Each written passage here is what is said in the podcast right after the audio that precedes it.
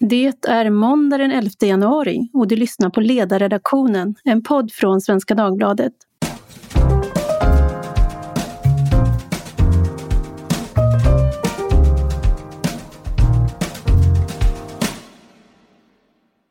Jag heter Tove Livendal och idag ska vi tala om statens viktigaste uppgift, försvaret. Just nu pågår Folk och Försvars konferens och därför har jag bjudit in Oskar Jonsson, chef för Center for the Governance of Change vid IE University, filosofie doktor i krigsvetenskap och författare till boken The Russian Understanding of War och Patrik Oksanen, senior fellow vid tankesmedjan Frivärd, journalist, debattör och inte minst kolumnist här på ledarsidan. Varmt välkomna båda två. Tack så mycket. Ja, eh, min eh, son får lära sig i skolan att ibland så måste man kunna eh, agera som en cowboy. Och då tänker man inte på Donald Trump utan man, det är en berättarteknisk sak som handlar om att man med lassos ringar in det allra viktigaste. Oskar, för den som inte har suttit och lyssnat in konferensen idag, hur skulle du ringa in det viktigaste från dagen? Ja, nej men de, de stora nyheterna är ju att eh, Socialdemokraterna tycker NATO är fel. Eh, Moderaterna är kris, kritiska till Socialdemokraternas krishantering. Och Carl Bildt tycker vi är för dåliga på, på digitala affärer. Eh, det här kommer kanske inte som någon förvåning till de som har följt säkerhetspolitiken de senaste två decennierna. Men eh, det är faktiskt någonting som har förändrats och det är kanske inte själva argumenten utan det är sakfrågorna. Så just nu så finns det majoritet i riksdagen för en NATO-option, vilket gör det mer kritiskt för Socialdemokraterna. Eh, pandemin har exponerat enorma brister i svensk krishantering och ledningsförmåga eh, som har gjort eh, det ännu mer tydligt vad, vad, som behövs göras. Och det som Carl Bildt säger om framtiden är att eh, det försvarsbeslut vi har tagit det är, eh, återspeglar gårdagens problem, inte morgondagens behov. Där tycker jag Carl Bildt har väldigt, väldigt rätt. Bara för ett exempel så är ju ExxonMobil världens största företag 2008 eh, mindre än Netflix idag. Eh, ExxonMobil som då anklagades för att driva USA in i Irakkrigen och så vidare.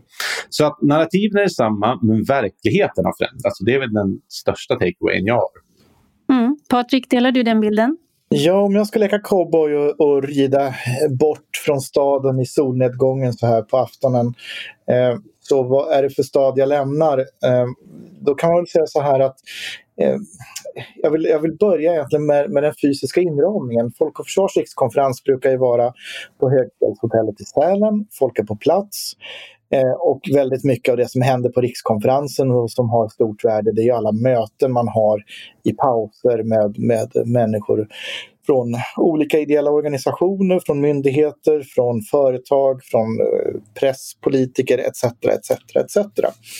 Eh, I år är det ju en webb-tv-sändning med ett litet pressrum ehm, med, med eh, munskydd eh, och en, en, liksom en helt annan stämning än vad det brukar vara. Så det bör man ha med sig att det är inte som, som tidigare år och på det här sättet så blir den här rikskonferensen unik i historien. Har, man har ju hållit på sedan 1946 om jag minns rätt att vara i fjällen eh, och diskutera de här frågorna. Så det här är, det här är historiskt. Men annars så är det ju som, som Oskar är inne på, det, det var ju ganska förutsägbart. Eh, det är ingenting egentligen nytt som sticker ut. Eh, Eh, däremot så, så, blir det också väldigt tydligt i det blocket som var eh, kring cyber och cyberhot och nya tiders hot var väldigt återigen, och det är i och för sig ingenting nytt heller, att Säkerhetspolisen är tydlig och säger att eh, gapet mellan vår förmåga och vår, eh, våra hot eh, eh, ökar och att eh, vi, vi ligger efter i de här avseendena. Men, men det här blev på en detaljnivå som jag tror blev pedagogiskt för många. Bland annat exempel på hur cyberintrång sker i, i, i sjukvården till exempel. Så att där fanns en, en, en pedagogisk vinst i, i det hela. Eh, men jag tänker på det, det kanske är så att eh, så länge man talar om det, att det finns ett hot så, så är det lättare att hålla ifrån sig. Men när man konkretiserar vad det faktiskt innebär så blir det svårare att hålla ifrån sig. Så det, det, den här önskan att ligga i framkant och ligga före det som händer, det, det är kanske svårt. Ja, vi har ju svårt att ta till oss det som inte har hänt eller mm. det vi inte kan identifiera oss med. Eh, och det är väl det som är, är den stora utmaningen pedagogiskt och har varit så bland annat för Säkerhetspolisen och MUST när man pratar om den här typen av, av asymmetriska hot, eh, eh gråzonsproblematik och annat. Att, att antingen så, så är de för långt ifrån människors vardag eller så, så tvingas man prata så pass mycket eh, säpokratiska, som jag ibland skämtsamt kallar det för, eh, för att inte avslöja vad man egentligen vet så att folk fattar ändå inte riktigt vad, vad, vad de säger. Det var faktiskt ett roligt uttryck. Jag ska lägga på minnet. Ja, tack. Innan vi går in mer på vad som har sagts på konferensen idag och vad man kan ta med sig så bör vi väl ändå börja i den minst sagt dramatiska inramning som den senaste veckan har bjudit på. Det var också där utrikesminister Ann Linde började när hon inledde idag.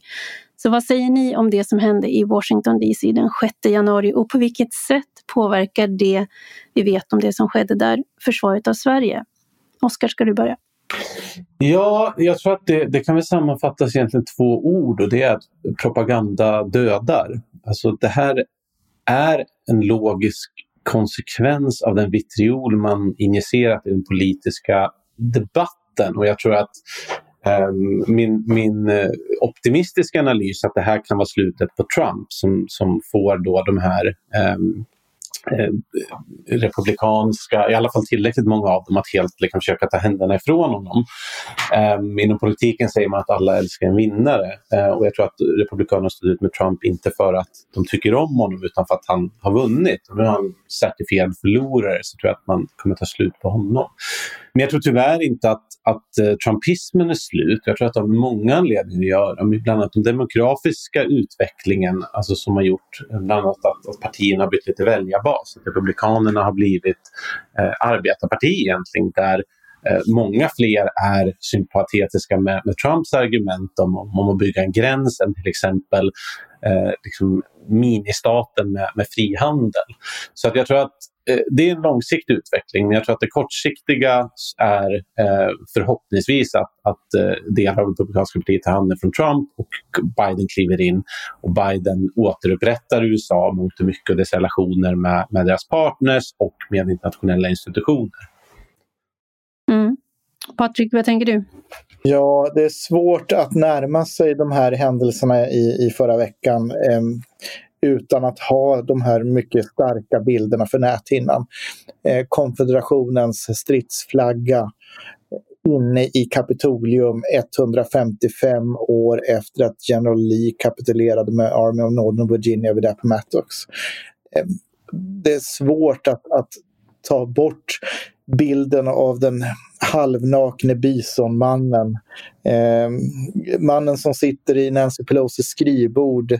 Han som bär omkring på en pulpet. För att inte tala om lynchningen av, av polisen utanför för Kapitolium. Det, det, här är, det här är sorg och, och eh, bestörtning. Eh, och det är precis som Oskar säger att ord dödar.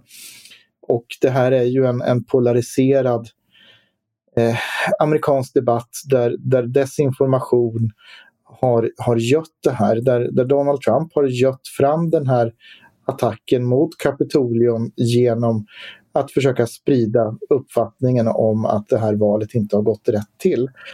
Eh, vilket är, är lögn, förbannad dikt och inte ens gång statistik. Eh, för att parafrasera Mark Twain. Men eh, i det här som jag, jag tycker är bekymmersamt med USA, det var en, en siffra som jag såg i, jag tror att det var Times eller Newsweek, nu blir jag osäker här, men eh, som hade gjort en, en mätning och, och, och runt eh, 2017 när Trump var ny då, då tyckte runt 8% av demokrater och republikaner att våld kunde väl vara, vara eh, så att säga justifiable, eh, att man kunde då eh, befogat. befogat tack, legitimt. Herregud, man är trött efter en, en, en dag på rikskonferensen eh, i, i huvudet också, så man har svårt att hitta ord.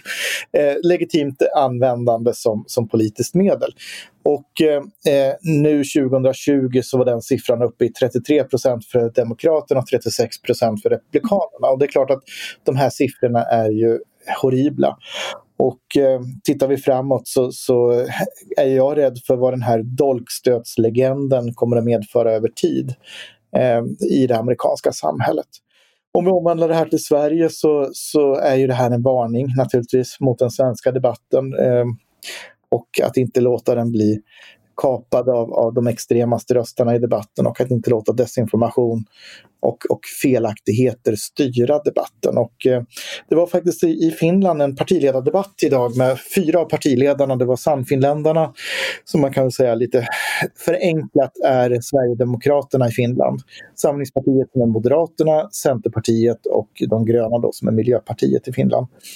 Eh, och där faktiskt samtliga partiledare räckte upp handen eh, på frågan om händelserna Kapitolium eh, påverkar Finland. Eh, och, och, så att jag tror att vi kan nog dra samma slutsats att vi får se upp med det här också i Sverige. Mm. Men en sån där, det, här, det ena är ju liksom den frågan som ni lyfter om, om en, en, en tilltagande våldsamhet i språket så småningom kommer att få en effekt i, i fysisk form och det är många som har argumenterat för det och det tycks ju finnas goda eh, belägg för, eller finns, finns goda skäl att tro att det är så. Men det andra som man också slås av är ju att vi kanske lite grann kommer undan med blotta förskräckelsen. Det, om man tittar nu på de här personerna som, som har tagits i förvar och, och häktats så är det ju Ja, det är ju det man har sett i de här bilderna på de här människorna som ser ut som de är på maskerad, men det är ju personer som har varit rejält eh, haft med sig rejäla laddningar. Det är en person som körde från Alabama som enligt de här eh, eh rättshandlingarna då har haft med sig hemgjord napalm i bagaget. Så att det känns ju som att eh, dels att det här kunde ha slutat med någonting mycket, mycket värre än, än det, jag menar, det elände som det är, men, men det kunde ha blivit multipelt värre. Och en fråga som man undrar över är ju om det gick, dels så blev jag förvånad över att det gick att ta sig in i Kapitolium på det här sättet, men frågan för svensk del är, skulle det här vara möjligt? Eh, skulle det vara möjligt för en mobb att bryta sig in i Sveriges riksdag?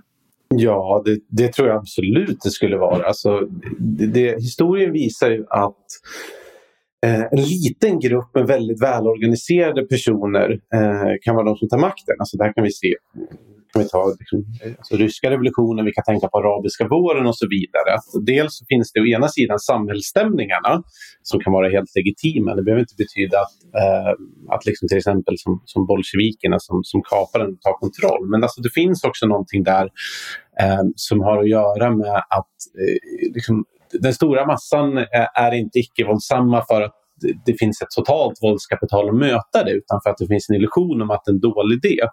Eh, och det, det, kan, det kan falla ganska snabbt. Eh, som vi har sett i liksom, färre revolutioner i, i, i, i forna Sovjetunionen. Och är det något som, som liksom riksdagens säkerhetsavdelning har gjort sig känd för så har det väl varit, eh, eh ja, jag ska väl inte säga att det har varit kompetens utan det har varit liksom stulna vapen och, och det ena och det andra. Så att, självklart kan det hända. Eh, sen så ser jag, alltså, sen ska jag bara lägga till på den beskrivningen du gör om att det fanns ruggiga typer. USA är ju lite unikt här, att det finns en ganska liksom, osund liksom, hobbymilitär kultur där alla kan köpa sig automatvapen och, och gå runt och bråka med dem. I Sverige kanske eh, liksom, ja, i Sverige kanske man gör någonting, man gör någonting annat. Så jag tror att det, det är en extra dimension till det som, som inte riktigt finns eh, i Sverige. Men ja, det, som krigsvetare vill man inte utesluta någonting egentligen. Mm. Eh, Jag får flika in en, en kort eh, rättelse på, på Oscar så var ju vapenstölden på Rosenbad, regeringskansliet och inte riksdagen. Eh, men men eh, det be behöver inte betyda att, att det är så mycket bättre på, på riksdagen i sig. Sen eh, har du ju helt rätt i att vi hade en himla tur därför att bland de här människorna så fanns ju de som uttalade om att de, de var ju beredda att lyncha eh, vicepresidenten Mike Pence för att han då gav valsegern inom citationstecken till, till, till deras presidents fiende. Och då mm. var han förrädare. För att inte tala om, om vad som hade hänt med Nancy Pelosi om hon hade hamnat i händerna på den här mobben. Så vi, vi, vi, vi kom undan det här med blotta förskräckelsen bara inom citationstecken fem döda varav två i våldsamheter. Eh, och det är klart att, att en, en beslutsam mobb som kanske också delvis får hjälp inifrån, vilket mycket tyder på i att det var fallet med Kapitolium, att det fanns vakter och poliser som, som inte var avvokt inställda till demonstranterna om man uttrycker sig som så. Eh, men här kommer ju utredningen att, att visa det här tydligare längs vägen. Eh, så, så kan absolut Sveriges riksdag kan inte, inte räknas som att, det, att den skulle kunna klara ett sånt här eh, typ av angrepp. Mm. Vi ska återvända till Folk och Försvar då och eh, då var det ju som sagt eh, utrikesminister Ann Linde som inledde och hon gjorde det genom att beskriva omvärlden och hon passade också på att ge en vass pik ska man säga, mot riksdagens beslut om NATO-option. Och hon sa i en osäker tid ligger den svenska säkerhetspolitiska linjen trygg och fast. Patrik, hur reagerar du på utrikesministerns inlägg? Tyckte du att hon gav en rättvisande bild av omvärldsläget och eh, hur tycker du att hon förklarar den svenska linjen i detta läge? Hon ger väl en rättvisande bild av omvärldsläget men sen så rimmar det ju inte med, med den svenska linjen. Eh, den svenska linjen eh, ligger ju inte trygg och fast. Eh, vi måste konstatera att, att eh, regeringen står rätt naken just nu i säkerhetspolitiken då, då man inte längre har en riksdagsmajoritet för den säkerhetspolitiska formulering som man eh, omhuldar. Eh, och det ligger på regeringens ansvar att hitta en formulering som, som kan bli bred och accepterad. Eh, och här så såg jag inga direkta signaler från Ann Linde att hon var beredd att söka ett sådant samförstånd och att regeringen skulle ta några sådana initiativ till samtal med, med andra partier utan mer av så att säga en, en stridslysten inrikespolitisk agenda. Att hålla fast vid det gamla. Eh, vi ska ju vara krass på att det, det, det enda landet som inte skulle gilla en svensk NATO-option, eh, det är ju Ryska federationen. Ehm, det är liksom den enda, enda som, inte, som har någonting emot det. Sen är man naturligtvis i, i våra nära vänner i Finland så är man ju intresserad av att inte bli överrumplade som man blev Eh, 1990 när Sverige sökte EU-medlemskap utan att ha koordinerat det med Helsingfors. Så att man vill ju vara med på båten om Sverige ska röra sig. Där finns en liten rädsla men det finns inget motstånd i Finland mot att Sverige inför samma option som Finland själv har.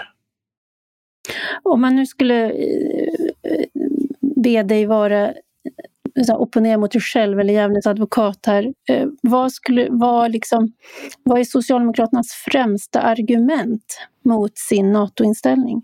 Vilket tycker du är det bästa argumentet de har? Nej, men det bästa argumentet de har är ju eh, vi tycker inte att, att någonting är trasigt så varför ändra på någonting? Det är, väl, det är väl det som är, är deras argument. Problemet är bara att det är trasigt därför att verkligheten har, har sprungit i, i, om oss och vi, vi befinner oss inte längre där, där vi en gång var. Eh, så på det sättet så blir den här obsolet. Men det är väl deras eh, främsta argument om jag ska försöka hitta det.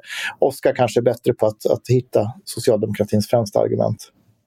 Eh, ja, alltså det, det, det, finns väl vissa argument som jag tycker har, har, har mer värde. Sen är väl problemet att Socialdemokraterna inte framför något av dem. Utan, alltså rent historiskt har NATO-motståndet eh, lite kortfattat, lite raljant handlat om att eh, liksom NATO är imperialism, vi måste hålla oss borta därifrån.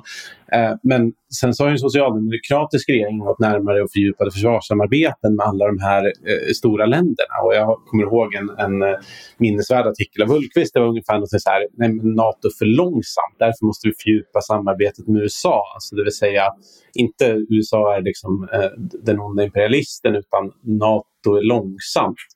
Så att eh, nej, eh, och framför allt när vi är liksom förbundna eh, politiskt via Europeiska unionen till alla de här staterna och med bilaterala försvarssamarbeten så, så faller det lite och jag tycker alltså Socialdemokraterna de senaste opinionsmätningarna visar att det är jämnt skägg. Så att, att falla tillbaka på antingen att det inte finns stöd i, i riksdagen, inte finns stöd i folket, allt det faller platt. Det är bara liksom eh, fikonlöv kvar i debatten, varför man håller sig undan det här. Och, och det, I viss mån är det liksom Olof Palmes ande som svävar där, men det är ju öppet. Eh, det är ju, att, att, han hade hemliga försvarssamarbeten med USA, det vet vi också. Så att, ja, nej, jag, fråga mig inte om logiken i det här, gärna om, om någonting annat.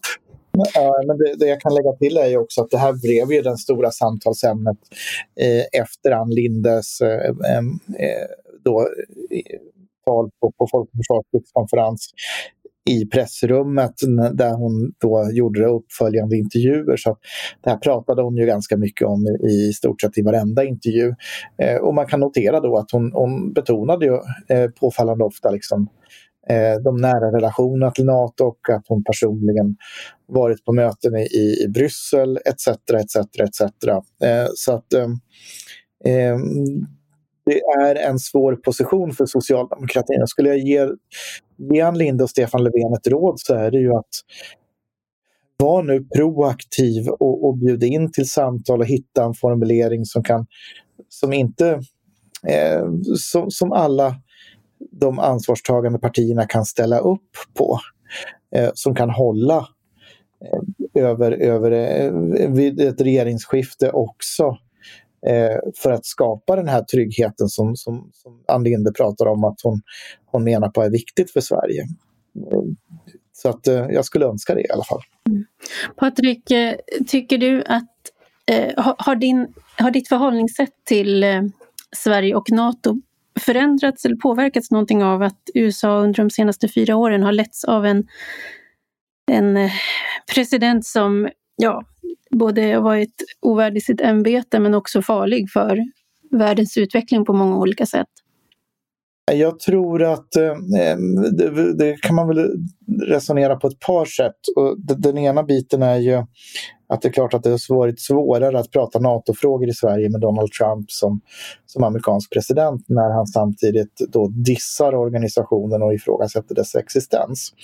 Eh, men däremot de grundläggande förtjänsterna med ett NATO-medlemskap Eh, kollektivt försvar och ett, ett, nära samarbete med, med likasinnade länder och en möjlighet att bedriva krigsplanering med våra närmsta grannar. Eh, det kvarstår ju oavsett vad det sitter för, för människa i Vita huset, även om man ska vara medveten om att av NATOs samlade kapacitet så står USA för huvuddelen. Eh, samtidigt så har ju Trumps period också inneburit en, en insikt. Hur sköra är vi om det transatlantiska bandet skulle brytas eh, och hur ensamma står vi då och hur illa till är vi, vilket är ett incitament naturligtvis för oss att se över vårt eget hus.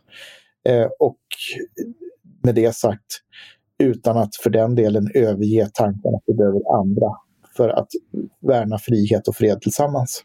Mm. Eh, och på det temat då så är ju Sen 11 dagar tillbaka, sedan den 1 januari, så är Sverige ordförande i OSSE, Organisationen för säkerhet och samarbete i Europa, och kommer att vara det hela detta år. Vad innebär det och vad kan man förvänta sig och hoppas att det ska leda till? Oskar?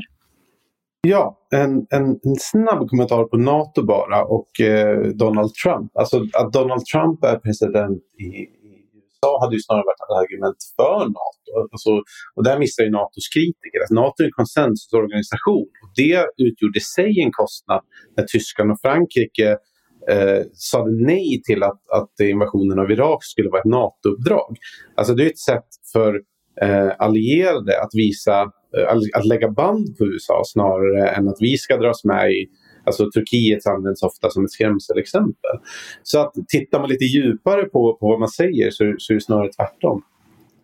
Ja, OSSE. Nej, eh, utrikesministern ledde ju ganska mycket fokus på, på OSSE där och eh, OSSE gör en del saker som är väldigt bra. Alltså det har ju forum för, för mänsklig säkerhet, det har fältmissioner, den har konfliktlösning i forna Sovjetunionen, alltså Nagorno-Karabach, men Armenien, Azerbajdzjan, östra Ukraina, Transnistrien.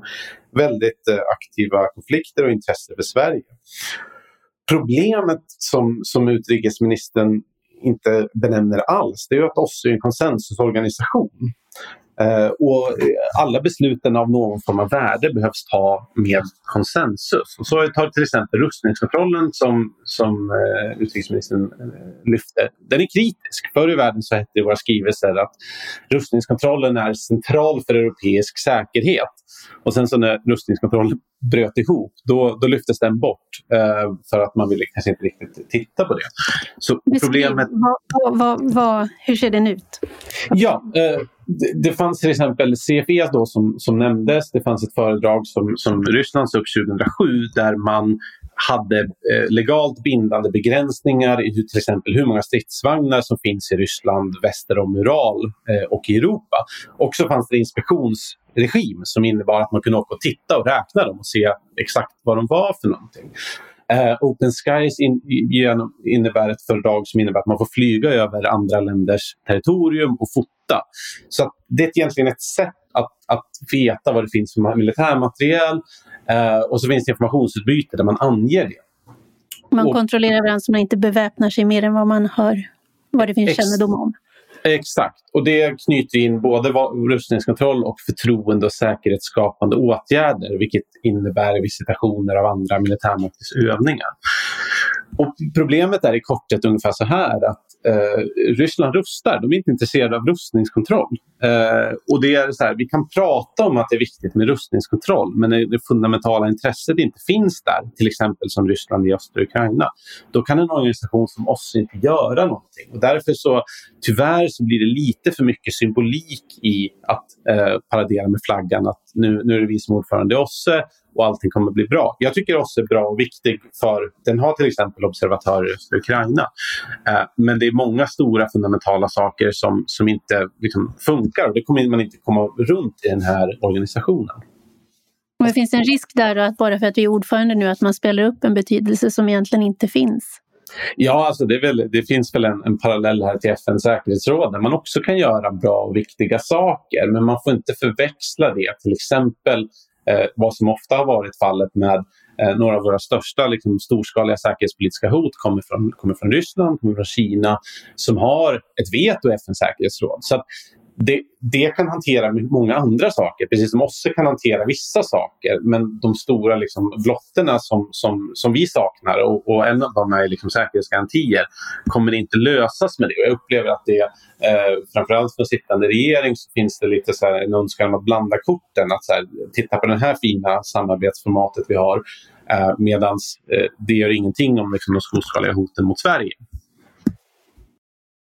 Patrik, vill du kommentera? Ja, jag vill lägga till där att man ska komma ihåg att OSSE är ju den ram som då har, ligger till grund för den europeiska säkerhetsordningen med, med en lång rad deklarationer. Eh, och OSSE början börjar ju egentligen i Helsingfors med, med den europeiska säkerhetskonferensen med eh, och, och, det handlar ju om, om också om, om gränsers okränkbarhet och, och länders rätt att välja väg och så vidare. och så vidare. Eh, och i det så, så, utmanas ju den här säkerhetsordningen av Ryssland, det vill säga en av medlemmarna i OSSE, eh, där man struntar i det här. Och samtidigt så är OSSE en organisation som ska ta enhälliga beslut. Och det är klart att det, det blir en, en dysfunktionell eller jag ska uttrycka mig så här, det blir en organisation som får svårt att fungera när, när medlemmar obstruerar mot organisationen och sitter, sitter med ett vetokort eh, i den obstruktionen. Så man ska ha en väldigt realistisk syn på vad man kan uppnå mm, i OSSE. Därmed inte sagt att det saknar värde att ha de här samtalsytorna eh, och eh, att, att Sverige eh, klär in sig i den, den, den rollen som ordförande. Det var ju som Ann Linde också konstaterat, genom att Sverige är ordförande i OSSE så vänder ju sig andra länder sig till Sverige och Ann Linde i olika skäl för att höra Sveriges uppfattning. Eh, Stockholm blir lite hetare som, som huvudstad genom, genom det, det ordförandeskapet. Det kommer fler samtal och vi hamnar lite mera mitt i smeten av, av den utrikespolitiska debatten. Men för de som inte då är inne i det här, jag tänker på det har ju gjorts då eh, av Joseph Nye, den här distinktionen mellan hård makt och mjuk makt. Och mjuk, hård makt är ju att man kan tvinga någon att göra som man vill och mjuk makt är att man kan övertyga någon eh, genom, eh, ja, man gör det attraktivt att göra på ett visst sätt. Och då är frågan, både då när det gäller FNs säkerhetsråd eller då OSSE, finns det någon som helst värde med liksom mjuk makt för till exempel Ryssland? Finns det, finns det liksom, är, det någon, är det av någon betydelse hur man blir sedd i de här sammanhangen eller är det strunt samma? Där är nog Oscars bord egentligen mer, men, men det jag vill flika in är att säga då att Ryssland använder inte mjuk makt på det sätt som vi menar med mjuk makt. Mjuk makt, då ska man tycka om oss och tycka att vi är lite fluffiga och, och snälla och, och, och gilla oss och våra produkter och Ikea och ABBA. Eh, Ryssland använder någon slags hård mjuk makt på att försvaga andra med icke-militära medel för att uppnå sin vilja. Ja, det, det, absolut. Och jag, jag, har, jag har ett kapitel om det här i min, i min avhandling. Men väldigt kortfattat, eh, så, så, som du säger, alltså, så som Joe lanserade begreppet om mjuk makt så handlar det om alltså, attraktionen, att Sverige är attraktivt så folk kommer vilja som vi vill. Men problemet är att som man tänker om makt, alltså förmågan att få någon att göra det de annars inte hade gjort gör att det är väldigt svårt att applicera mjukmakt. Alltså de älskar ABBA i Ryssland. Det finns ingenting bättre än ABBA och Ikea i Ryssland. Eh, hur, och då är frågan till, till liksom, de som kan säga att man kan liksom substituera mjukmakt med hårdmakt. Ja, hur, ut, hur använder vi Ikea och ABBA för att Ryssland inte ska invadera sina grannländer eller bedriva subvention mot Sverige? Det liksom understryker lite problemet i den mjuka makten. Och bara för att vara tydlig, jag håller med dig Patrik, alltså jag är inte emot att Sverige tar, tar ordförandeskapet i OSSE, utan jag tror att det är en del av det som liksom att vi internationellt sett ses som ett föregångsland som folk tycker bra om. Och jag tror att den här mjuka makten kanske fungerar lite mer gentemot våra vänner, att de ser att ja, Sverige är ett bra land i många frågor och vi borde följa dem och de är bra att jobba med. Eh, och att vi får inflytande via det sättet. Men just det här med mjukmakter, så här, eh, det är jättesvårt att, att, liksom, att använda, att få en tydlig så här, nu vill vi att det här sker. Det handlar snarare om att bygga upp ett mer långsiktigt inflytande. Just det, jag tänker på den här tecknade satiren för många år sedan, Team America, eh, där Hans Blix, den fiktiva Hans Blix fick, eh, gick till Nordkorea och sa att ni måste visa om ni har massförstörelsevapen. Jaha, eh, men om jag inte gör det? Ja, om inte ni gör det, då kommer jag skriva ett väldigt argt brev. liksom, det var som illustrerat. Det, det är svårt att det, det, är svårt att, att få någon till att göra något om man inte också har, kan mäta sig kraftmässigt med den andra. Mm. Eh, det var ju också så att Eh, oppositionsledaren Ulf Kristersson talade tidigt på konferensen idag och eh, där tycker jag att han följde ändå den här traditionen som det finns en implicit förväntan på att dyker man som politiker upp på den här konferensen så får man inte komma tomhänt utan man måste komma och leverera någonting. Och det gjorde han idag. Han hade ett antal förslag eh, för att möta hybridkrigföring. Och först då för alla som inte är möpar som säger militärt mm. överintresserade personer, vad är hybridkrigföring? Oskar, ska du förklara det?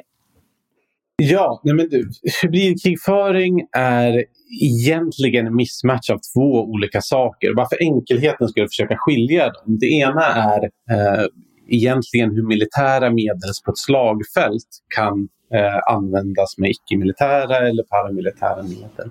Och det andra, vilket i princip är det nästan vi pratar uteslutande om, det är någon form av politisk krigföring som inte alls har med användandet av militära medel att göra. Till exempel cyberattacker, till exempel desinformation. Eh, och och så vidare. Så jag tror att det är enklast rent mentalt att försöka, försöka hålla isär de här två begreppen. Att det ena är liksom ett egentligen militärt problemområde och det andra är ett politiskt strategiskt problemområde. Ja, jag, jag, vill komplettera det genom att säga att hybridkriget kan ju också ha, ha eh, så att säga, militära komponenter och, och även strid i sig. Så att eh, jag skulle säga att hybridkriget kan man tänka på allting i en konflikt under eh, att kriget är öppet och förklarat. Ja, det var precis mm. det jag menade med det första korgen. Ja, du, du, på ett sånt sätt så jag inte förstod det. Men det är jag som är trött i huvudet i sådana fall. förlåt. Vi hoppas att i alla fall lyssnarna är med på detta. Men då går vi till de här förslagen. Vad, vad säger ni om dem? Räcker det som lades fram idag? Är det bra förslag? Patrik, vill du börja? Ja, nej, men det är väl i, i huvudsak bra förslag. Eh, man släppte ut det här redan i, i söndags i, i en debattartikel, huvuddelen i det, eh, med, tillsammans med försvarspolitiska talespersonen Paul, Paul Jonsson. Och, eh, så att det är Eh, eh vi behöver bli bättre på att hantera olika typer av kriser.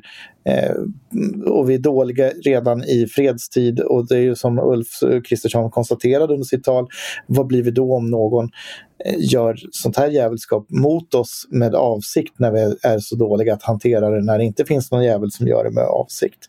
Eh, det sa han inte ordagrant men det är min, min så att säga freebasande sammanfattning av det han sa. Det mustiga språkbruket. Min, min, mitt mustiga språkbruk så, så får, får Ulf Kristersson och hans talskrivare eh, eh, eh, ha överseende med det. Eh, och där så finns ju bland annat en tydligare säkerhetsråd, eh, en tydligare säkerhetsrådgivare, ökade befogenheter för ett cybercenter etc. etc, etc. Mm. Oskar, är det bra förslag? Jag tycker, det är, jag tycker det är jättebra förslag. Um, men full disclosure har jag också argumenterat för många av de här sakerna sedan 2014, bland annat ett säkerhetsråd. Och jag tror att det här är om man tänker på försvarsbeslutet i de här två kategorierna jag pratade om. Alltså, å ena sidan har vi liksom det militära våldet som det nya försvarsbeslutet ska hantera i mångt och mycket. Sen tycker jag det är otillräckligt och gör lite fel saker och behöver förbättras. Men vi lämnar det därhän och så tittar vi bara på det här politiskt strategiska.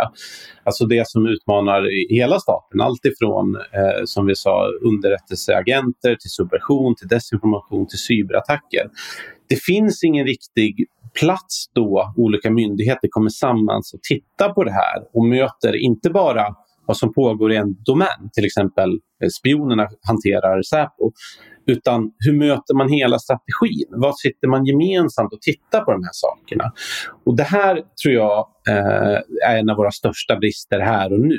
Att eh, försvarsbeslutet som kommer ska hantera mycket av de militära bristerna medan att få ihop allt det här. För att mycket av det här det är utrikespolitik, det är inrikespolitik.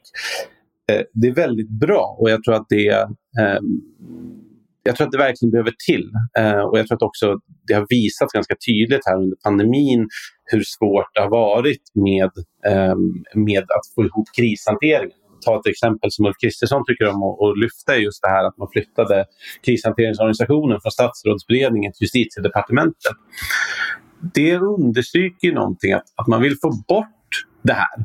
Eh, man vill inte ha krishanteringen när, nära statsministern. För så fort en kris kommer så är alltid frågan vem visste vad och när. Och det var ju därför alltså, eh, Stefan Löfvens egen statssekreterare fick ju avgå, Emma Lennartsson, där med Transportstyrelsen.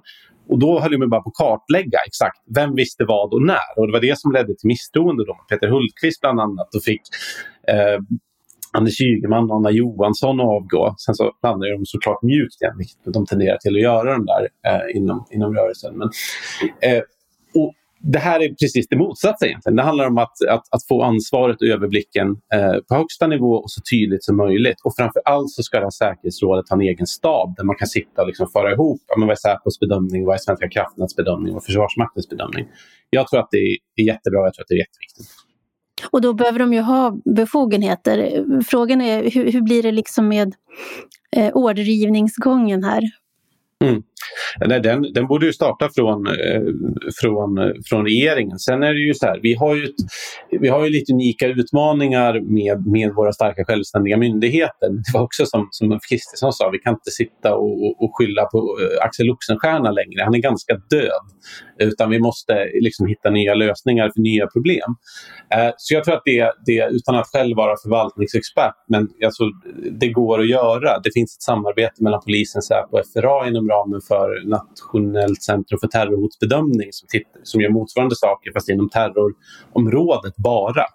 Eh, sen har det haft sina problem, men det går att göra motsvarande saker på, på, på större nivå. Det är liksom, många andra stater har en, en sån modell, så att det, är inte, eh, det är inte första resan till Mars. Mm. Några reflektioner till här är ju eh, en sak som, som Säkerhetspolisens generaldirektör Claes Friberg eh, sa. Och eh, han betonade då när vi nu möter antagonistiska makter som använder hela statens och hela samhällets så att säga, samlade komponenter och utgör säkerhetshot så behöver vi för att hantera det samla liksom vårt samhälle för att hantera den typen av hot. Eh, och då inkluderar han ju då näringsliv eh, och liksom hela, hela liksom samhället i det. Och, och där i ligger ju väldigt mycket. Eh, och, och det finns en tilltro att organisation löser allt och vi behöver verkligen ha ett nationellt säkerhetsråd. Liksom att vi behöver lägga det här i ett totalförsvarsdepartement. Jag håller helt med Moderaterna i det. Men jag vill understryka också att det behövs en insikt. Det behöver också identifieras vad är vår nationella säkerhet och vad är liksom våra nationella värden i det. Och få en kultur där, där det finns en gemenskap kring de här målen och att människor på olika delar i systemet förmår att agera i enlighet med de målen. Ehm, en, en, en organisationsskiss löser inte per automatik alla de problem eh, utan det behövs liksom människor som förstår vad som behöver göras på olika nivåer. Mm. jag tänker nu har, ju, nu har ju MSB varit väldigt mycket i diskussion kring pandemin och hanteringen där. Men om man tittar på dess uppdrag så är det ju att den ska ansvara för krisberedskap där ingen annan gör någonting. Så att säga. Det är ju liksom en formulering av ett uppdrag som gör det omöjligt egentligen att ha en, en vettig roll. Så jag tänker, det, ska man ha ett nationellt säkerhetsråd så behöver man ju också ha något mandat och inte ha ett mandat som bygger på att när ingen annan har gjort det de ska så får vi väl ta hand om. Ja, exakt.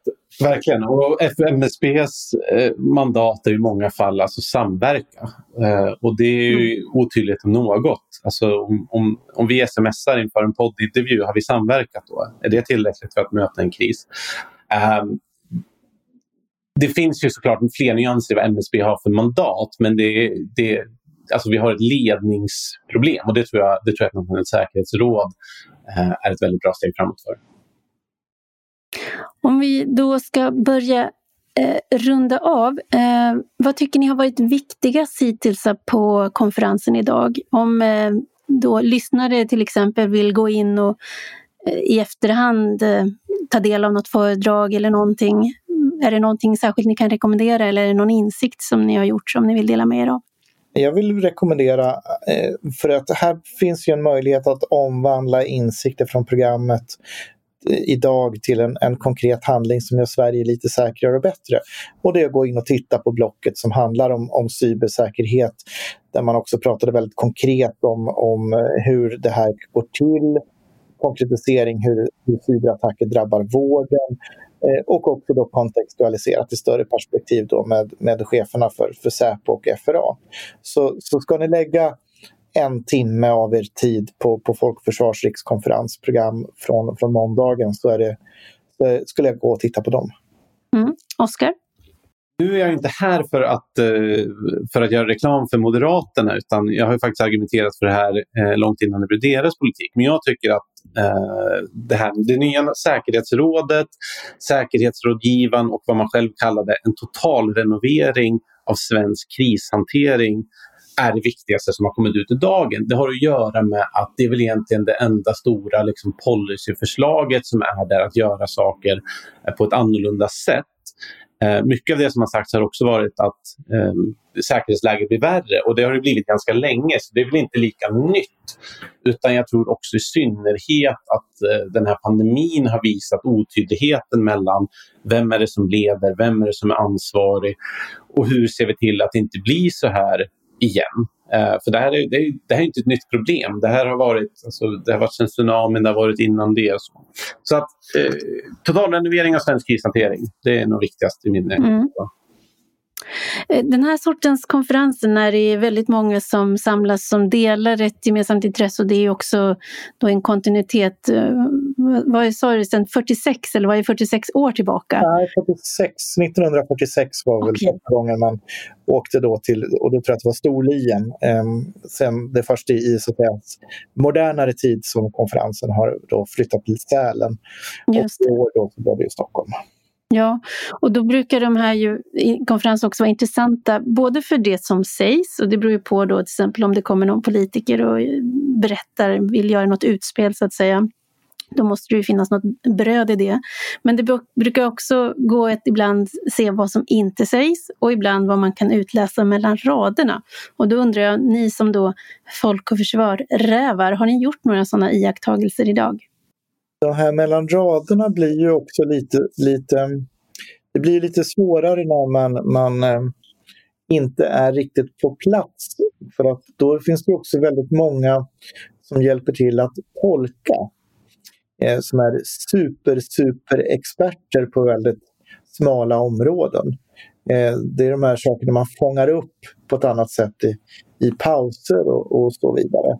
Så att jag har ingen, eh, ingen, ingen, eh, ingen stark genialisk eh, tolkning mellan raderna. Oskar? Nej, men jag är enig. Jag tycker också just där när man, när man sitter rent kremlologiskt med, med alltifrån talskrivare till, till eh, kommentariatet och försöker sortera ut vad det egentligen var som var nytt kring, kring formuleringarna. Eh, det saknar jag totalt.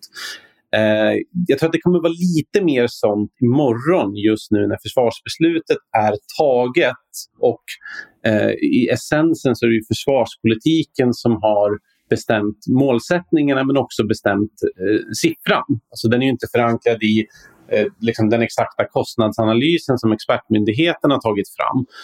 Och som alltid så kommer ju expertmyndigheterna försöka förhålla sig till att förmedla det här på något sätt. Eh, där, det tror jag kan bli det intressanta att försöka liksom fånga rent kriminologiskt. Men just idag Eh, ja, det var väl lite om eh, Huawei och eh, det var en fråga som kom alltså, dels både till, både Säpo och till Carl Bildt om eh, den diskussionen som har varit med inklusive Jacob Wallenberg och Ericssons VD om som, som tycker att eh, Sverige gör fel när, eh, när man eh, inte tillåter Huawei att delta i upphandlingen av det svenska 5G-nätverket.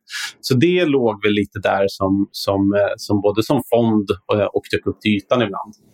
Mm. Och här kan man väl då understryka att det finns ju diametralt olika bilder om det svenska beslutet om 5G och huruvida det följer EUs roadmap där Carl Bildt gav uttryck för att det inte följer EUs roadmap och att Sverige agerar så att säga, på solokvist lite mera.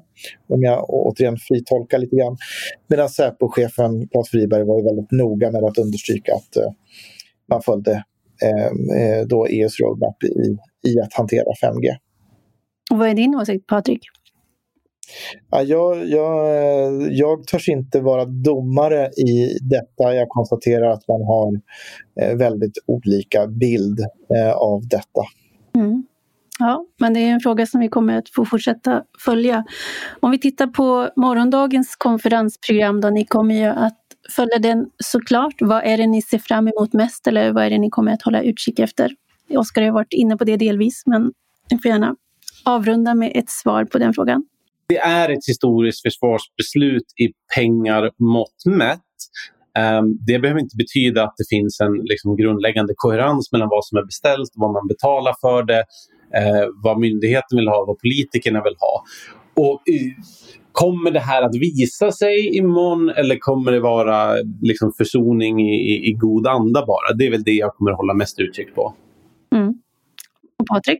Jag spår där åt Oskar så tror jag att det kommer att visa sig att det finns eh, olika bilder av det där och det kommer att uppstå redan tidigt på morgonen mellan eh, först Peter Hultqvists eh, inledning eh, och sedan så kommentarerna från fyra av de borgerliga försvarspolitiska talespersonerna som står på scenen tillsammans med Vänsterpartiet. Men det som jag tittar lite mer på eh, är väl den civila delen. Vad, vad, vad blir det för besked där? Eh, för den delen är ju minst sagt under eh, eftersatt och ska jag vara väldigt nördig. Så den jag kommer att lyssna allra mest intresserad på det är Barbro Holmberg. Och nu pratar vi nördighet. Det vill säga hur ska ledningsstrukturerna se ut i den civila delen av, av försvaret. Mm. Då tackar vi för de inspelen. Eh, jag har lärt mig mycket av att lyssna på er och eh, ni som eh, inte då kanske sitter och följer hela dagen imorgon kan ju också med fördel ta del av kommentarer. Både Oskar och Patrik är flitiga twittrare så att eh, man kan följa dem i sociala medier och få realtidsrapportering av vad som sägs som är av, av störst intresse. Stort tack Oskar Jonsson och Patrik Oksanen för att ni var med i podden idag. Tack så mycket. Tack så mycket. Tack också till er som har lyssnat. Har ni frågor eller funderingar så mejlar ni dem som vanligt till ledarsidan svd.se. Producent idag var Jesper Sandström. Tack för idag.